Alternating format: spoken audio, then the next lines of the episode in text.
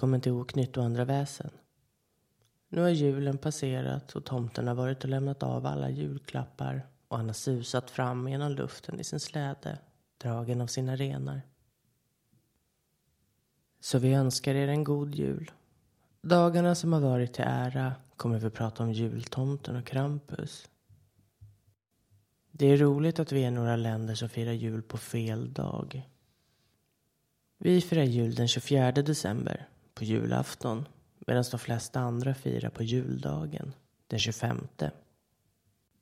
Men varför är det så? Varför firar vi jul på två olika dagar?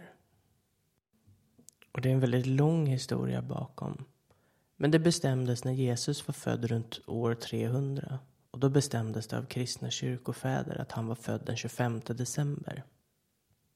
Och eftersom stora delar av Europa och Mellanöstern tillhörde romarriket på den tiden så inföll Jesus födelsedag samtidigt som romarnas firande av vintersolståndet och solgudens födelsedag. Den romerska kejsaren Konstantin blev en troende kristen och för att inte ta bort festande och firande från sitt folk uppkom det en kompromiss. Man bytte helt enkelt ut solgud till Jesus, så firandet fortsatte den 25. Och vi i Norden firar den 24. Så kort sagt så bottnar det i tiden före det mekaniska uret. Våran tradition att fira den 24.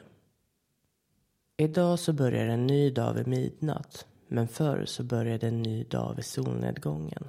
Och det har vi helt enkelt hållit fast vid. Nu för tiden när vi firar jul så äter vi risgrynsgröt på morgonen. Vi äter en tidig lunch och sen sätter vi oss ner och tittar på Kalle Anka klockan tre. Vissa tar julklapparna innan middagen som består av det klassiska julbordet med julskinka, lax, prinskorvar och Janssons frestelse för att nämna några få. Och andra öppnar klapparna efter maten. Och många familjer med småbarn får besöka tomten Jultomten kommer med en säck över axeln och delar ut julklappar. Och ursprunget till jultomten verkar vara Sankt Nikolaus. En djupt religiös och givmild man som levde vid slutet av 200-talet och början på 300-talet efter Kristus. Sankt Nikolaus är ett helgon som har sin helgondag den 6 december. Och enligt legenden ska Sankt Nikolaus ha räddat tre döttrar till en fattig kristen man från prostitution och vanära. Och för att göra det så kastade han in guld. Vissa säger att han kastade ner guldet i skorstenen och andra säger att han kastade det genom ett fönster. För enkelhetens skull så säger vi fönstret. Han kastade alltså in guld genom deras fönster tre nätter i rad för att de skulle kunna betala sin hemgift och bli bortgifta. Det sägs även att Sankt Nikolaus fick veta av en ängel att en värdshusvärd hade mördat tre pojkar och sen lagt dem i träkar för att salta in dem. Och genom sina böner återuppväckte Sankt Nikolaus pojkarna från de döda. Och det är förmodligen den här legenden som har gjort att Sankt Nikolaus förknippades med barn. Men glöm inte att tomte och jultomte är olika väsen. Tomte pratar vi om i vårt allra första avsnitt. Och de är ju inte detsamma som jultomten. Men oavsett vilket ursprung jultomten nu har så verkar han inte vara supergammal här i Sverige. Och beroende på vart man läser och vad man läser så är det olika. Vissa säger att jultomten inte gjorde entré förrän 1800-talet. Andra säger att han kom på tal i heliga Birgittas uppenbarelser på 1300-talet. Då nämnde tomtar.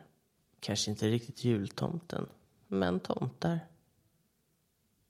Men han åker världen runt och delar ut klappar till alla barn som har varit snälla natten till julafton. Han susar fram genom luften med sin släde som dras av inte mindre än åtta renar. Dasher, Dancer, Prancer, Vixen, Comet, Cupid, Donner och Blitzen. Men man får inte glömma att det fanns ju en nionde ren. Rudolf med röda mulen. Som fick i uppdrag att lysa upp vägen för tomten och hans renar för att julklapparna skulle kunna levereras i tid. Men med eller utan Rudolf åker tomten i sin släde från land till land och landar på husen för att ta sig ner i skorstenarna och lämna paket. Han tar med sig en kaka och dricker upp sitt glas med mjölk som han lämnar fram åt honom. Och sen tar han sig vidare till nästa hus, försiktigt tassande för att inte bli upptäckt. Här i Sverige finns en annan tradition som liknar den att ställa ut kakor och mjölk. Man kan ställa ut gröt till tomten, alltså gårdstomten och andra väsen. Men främst så ställer man ut till gårdstomten för att visa att han inte är bortglömd och att man är tacksam för det hårda arbetet som man gör för gården. En mycket viktig gest. Så när jultomten är klar med sin paketutdelning så fortsätter han hem till Nordpolen. Hem till tomtemor och alla nissarna. Så vissa säger att jultomten inte alls bor på Nordpolen. Nej, vissa säger att tomten i själva verket bor i finska Lappland. I en by som heter Rovaniemi.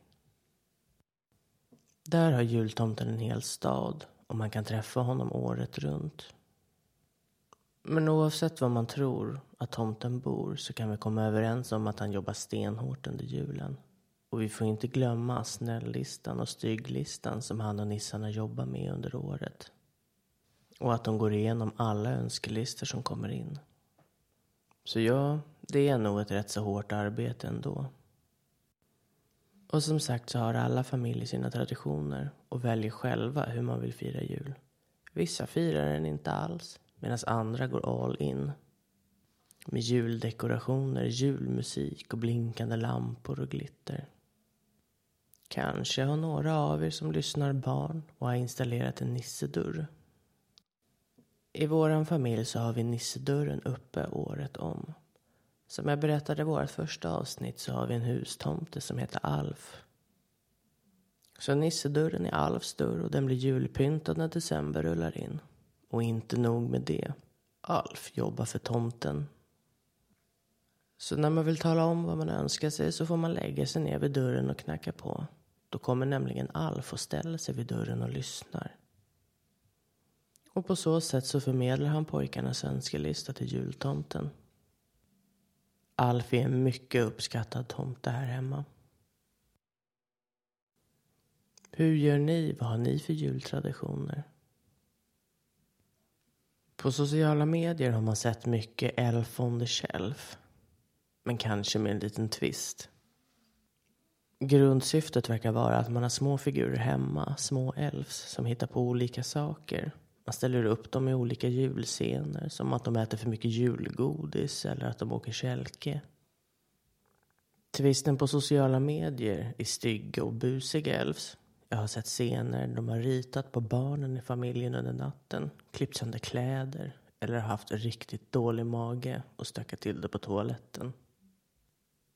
Variationerna oavsett om de är naughty elves eller inte är ju väldigt stor. Man kan ju hitta på massor med skoj. I den första historien den här gången, skriven av R, får en familj uppleva precis hur magisk en jul verkligen kan vara. Under den iskalla julaftonskvällen i en pittoresk stuga någonstans i norra Sverige satt familjen Bergman tillsammans i sitt vardagsrum. En sprakande brasa brann i öppna spisen och julgranen stod i hörnet pyntad med gnistrande ljus och glittrande kulor. Men det som fångade allas uppmärksamhet mest var den lilla prydnadsdörren strax under granen. Denna lilla dörr som hade varit i familjens ägo i generationer var ett arv från deras farfars far. Den hade alltid suttit under granen varje jul och ingen visste riktigt varför. Det var en av de där små detaljerna som gjorde julen i Bergmans hem så speciell. Ines, den yngsta i familjen, var bara sju år gammal och hade alltid varit fascinerad av den lilla dörren hon hade alltid undrat vad som fanns på andra sidan och hade försökt smyga upp på nätterna för att kika. Men aldrig hade hon fått se någonting annat än den släta baksidan av dörren. Den här kvällen precis innan hon skulle sätta sig ner för att äta sin julmiddag hörde Ines en svag knackning som verkade komma från den lilla dörren. Hennes ögon lyste upp av förväntan och hon viskade till sin storebror Erik som satt bredvid henne. Jag hör någonting bakom dörren. Erik, som var nio år gammal och alltid redo för äventyr, log och viskade tillbaka. Vi försöker öppna den. Så med en försiktig hand så öppnade Ines den lilla dörren och till deras förvåning fann de sig plötsligt stirrande rakt in i en gnistrande vinterskog. Snön täckte marken och tallarna var klädda i ett skimrande vitt täcke. En svag glöd av vinterstjärnor lyste upp natten. Och mitt i skogen, precis vid tröskeln till dörren, satt en liten hustomte. Han hade en röd mössa och en grön tröja och hans ögon glittrade som stjärnor när han log mot barnen. Här är ni äntligen, sa hustomten glatt. Välkommen in i min värld. Jag är glad att få träffa er. Barnen var häpna. De hade hört historier om hustomtar från sina föräldrar. Men de hade aldrig trott att de skulle få träffa en riktig. Hustomten presenterade sig som Ture och berättade om sitt liv i skogen. Han visade dem sitt hus ibland träden där han bodde tillsammans med andra tomtar och berättade om allt de hittade på för att sprida glädje under julen. Ines och Erik tillbringade en magisk kväll med Ture i hans värld. De byggde snögubbar och åkte pulka nerför backen och lyssnade på de vackraste julsångerna. Ture berättade också historier om deras farfars far som hade varit en vän till tomtarna och hade delat med sig av sin hemlighet om den lilla dörren. När det blev dags att återvända till sin egen värld tackade barnen Ture för den mest minnesvärda julen någonsin. De stängde den lilla dörren och när de satte sig vid middagsbordet kunde de inte sluta le åt tanken på det magiska äventyr som just hade upplevt. Från den stunden blev den lilla dörren under granen ännu mer speciell för familjen Bergman. Varje jul innan de satte sig ner för att äta sin julmiddag öppnade de dörren och Ture och hans vänner kom in i deras värld för en stund. Och tillsammans skapade de stunder av oförglömlig magi och glädje under den mest speciella tiden på året.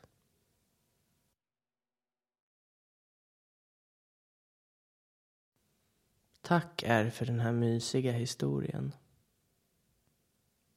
Det är ju precis det här som julen ska handla om. Man ska ha roligt och mysigt och vara tillsammans. Men allt har ju en motsats. Yin och yang, ljus och mörker, natt och dag, glad och ledsen. Så har även jultomten och Sankt Nikolaus. Deras motsvarighet heter Krampus. Krampus är en djävulsliknande varelse med horn och ett minst sagt skrämmande utseende. Och som jultomten som belönar snälla barn så straffar Krampus stygga barn. Med sig när han kommer har han ris som han hotar att piska barnen med. Och som tomten har Krampus också en säck med sig. Men Krampus stoppar barn i sin säck som har varit stygga och rövar bort dem. Man tror att Krampus var en del av hedniska ritualer för vintersolståndet och att han kan ha rötter i nordisk mytologi. För det sägs att Krampus är son till Hell som härskar över Helheim i underjorden. Och i takt med att kristendomen spred sig började Krampus bli förknippad med julen. Den katolska kyrkan gjorde försök att förbjuda honom. Det gick ju inte så bra. Kanske så såg föräldrar för ett gyllene tillfälle att skrämmas lite för att få ett busigt barn att lyssna lite extra. Inte kunde man förbjuda en sån chans. Så enligt sägnen så kommer Krampus tillsammans med Sankt Nikolaus den 5 december på Krampus Night. Och medan Sankt Nikolaus belönar barn som har varit snälla så slår Krampus dem som har varit stygga och olydiga med grenar och pinnar. Ibland sägs det att han äter vissa av barnen eller tar med dem till helvetet. Och den 6 december på Sankt Nikolaus Day så vaknar barnen antingen för att hitta gåvor eller för att vårda sina skador. Så nej, oavsett om man är barn eller inte så känner man sig inte supersugen på att stöta på Krampus. Och genom tiderna så kommer ju olika tolkningar på väsen och traditioner. I tv-serien Grimm finns även Krampus med. Polisen Nick Burkhart är en Grimm och kan med hjälp av sitt blodsarv se vässen, varelser inom människor.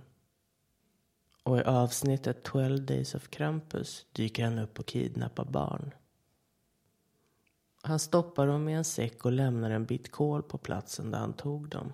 Sen tar han dem till sitt ställe, som är det högsta trädet. Där hissar han upp dem i trädet och äter dem sen vid vintersolståndet. Som sagt, olika tolkningar till olika väsen. Och den sista historien idag är skriven av en anonym lyssnare.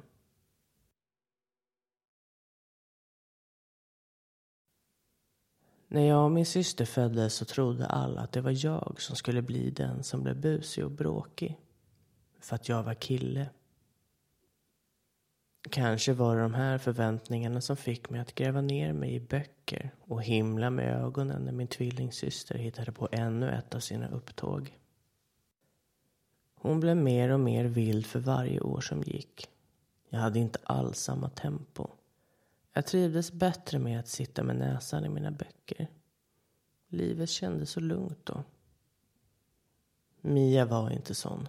Hon smög ut på nätterna och var inblandad i flera stölder och skrek mycket hemma när mamma och pappa försökte prata med henne.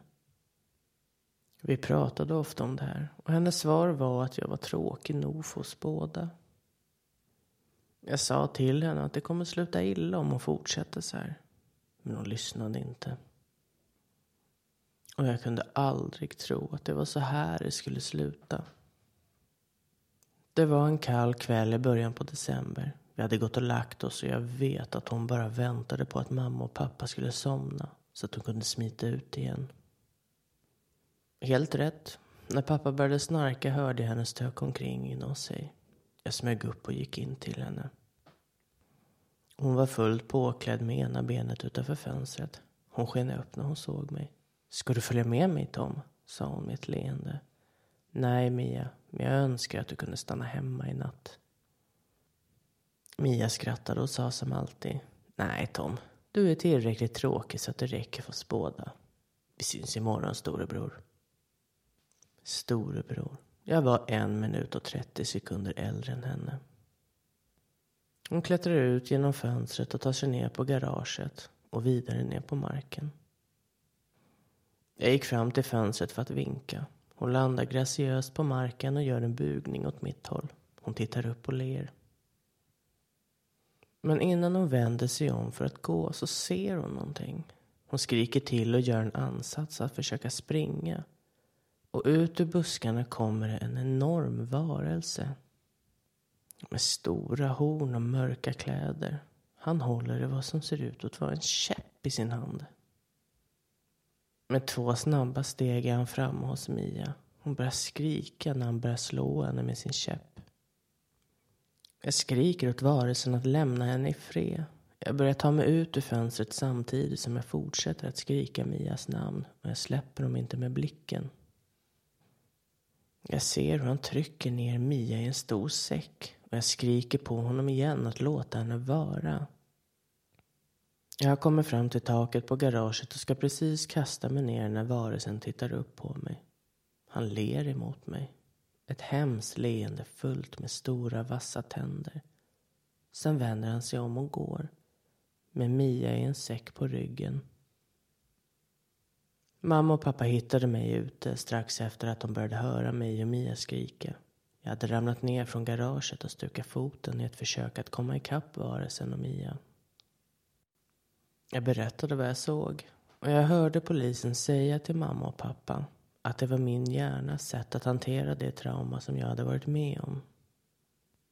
Att se min syster bli kidnappad, för att kunna hantera det så säger de att min hjärna har skapat ett slags monster som tog min syster.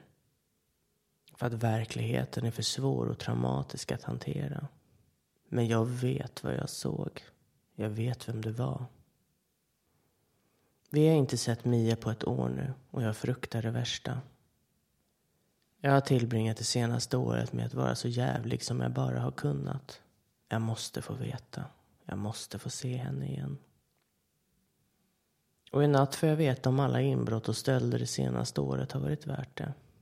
I natt får jag veta om Krampus tycker att jag har varit tillräckligt bråkig. Jag kommer, Mia.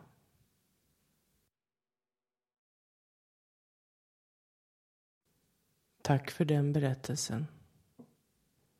Med det sagt så säger vi hej då för den här gången. Och snart är det nyår. Var försiktiga i kylan och god jul. Tills nästa gång.